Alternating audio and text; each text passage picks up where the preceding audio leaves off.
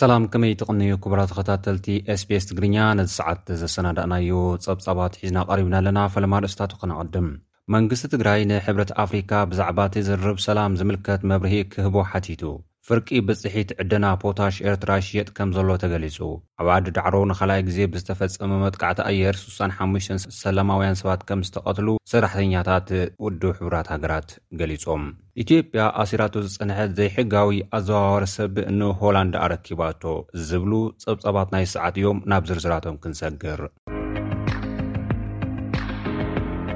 መንግስቲ ትግራይ ንሕብረት ኣፍሪካ ብዛዕባ እቲ ዝርርብ ሰላም ዝምልከት መብርሂ ክወሃቦ ሓቲቱ። ሕብረት ኣፍሪካ ንኲናት ትግራይ ሰላማዊ መፍትሒ ንምርካብ ንመንግስታት ትግራይን ኢትዮጵያን ብቐጥታዊ ዘተ ኣብ ደቡብ ኣፍሪካ ክራኸቡ ዕድመ ከምዝለኣኸ ዝፍለጥ እዩ።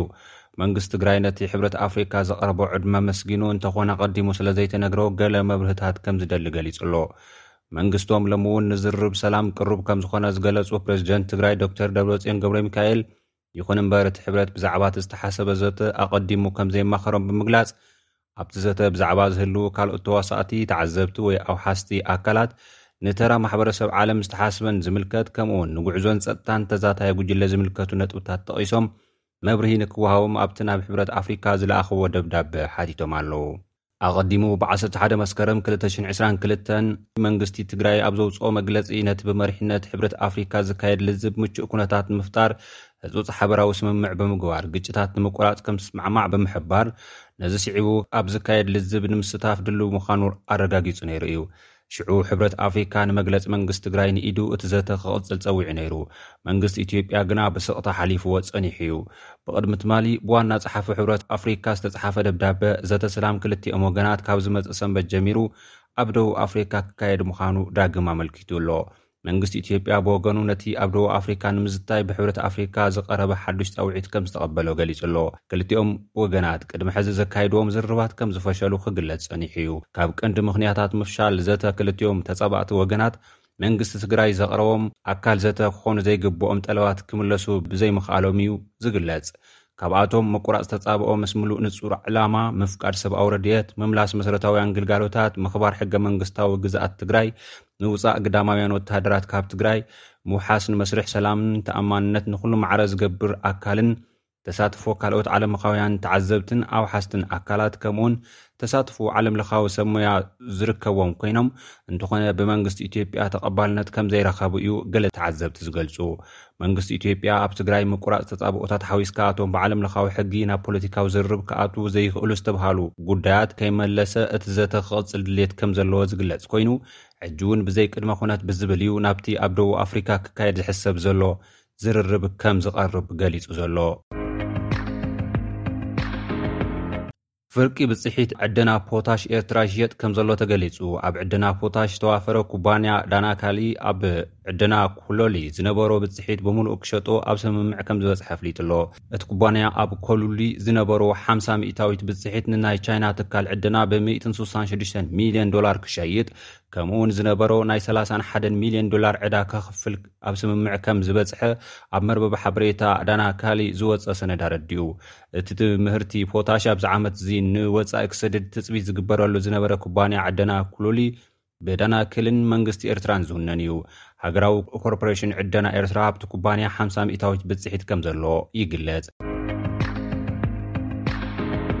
ኣብ ዓዲ ዳዕሮ ንካልኣይ ግዜ ብዝተፈፀመ መጥቃዕቲ ኣየር ሱሳን ሓሙሽተን ሰላማውያን ሰባት ተቐቲሎም ብዛዕባ እቲ መጥቃዕቲ ዝምልከት መብርሂ ዝሃቡ ኣቶ ጌታቸው ረዳ ቆልዑን ዓበይትን ዝርከቦም ብዙሓት ሰባት ኣብቲ ደብዳብ ተቐቲሎም ክብሉ ብትዊተር ገሊጾም ነይሮም እዮም። እዚ ብሰሉስ ብድሮን ከም ዝተኻየደ ዝተገልጸ ደብዳብ ብሓይልታት ኣየር ኢትዮጵያን ኤርትራን ከም ዝተፈጸመ እዩ ኣቶ ጌታቸው ረዳ ከሲሶም ዘለዉ። ብወገን መንግስቲ ኢትዮጵያ ይኹን ኤርትራ ብዛዕባ እዚ መጥቃዕቲ ዝተዋህበ መልሲ የለን። ቢቢሲ ንሰራሕተኛታት ውድብ ሕቡራት ሃገራት ጸሪሑ ኣብ ዘርግሖ ጸብጻብ ግን ንኻልኣይ ግዜ ብሰሉስ ዕስራን ሓሙሽተን መስከረም ክልተ ሽሕን ዓሰርተ ሓሙሽተን ዓመተ ምህረት ግእዝ ዝተኻየደ መጥቃዕቲ ኣየር ስሳን ሓሙሽተን ሰለማውያን ሰባት ከም ዝሞቱ ኣብ ባይታ ዝርከቡ ሰራሕተኛታት ውድብ ሕቡራት ሃገራት ገሊጾም ኢሉ ጸብጺቡ'ሎ። ኣቐዲሙ ኣብ ዝነበረ ደብዳብ ነፋሪት እውን ኣስታት ዓሰርተ ሰባት ዝተቐትሉ ኮይኖም መንግስቲ ኢትዮጵያ ነቲ ደብዳብ ባዕሉ ከም ዝፈጸሞ ብምግላጽ ሓይልታት ትግራይ ኣብ መንበሪ ኣባይቲ፣ ትካላት ጥዕና፣ ኣብያተ ትምህርትን ከምኡ'ውን ትካላት ረድኤት ሕቡራት ሃገራትን ካልኦትን ኣጽዋርን መራሕትን ይሓብኡ ኣለዉ ክብል ምኽንያት ኣቕሪቡ ነይሩ። እቶም ንቢቢሲ ቃሎም ዝሃቡ ሰራሕተኛታት ውድብ ሕብራት ሃገራት ግን ኣብታ ከተማ ዝኾነ ዓይነት ወተሃደራዊ ምንቅስቓስ ከም ዘየለ እዩ ዝገልጹ ዘለዉ።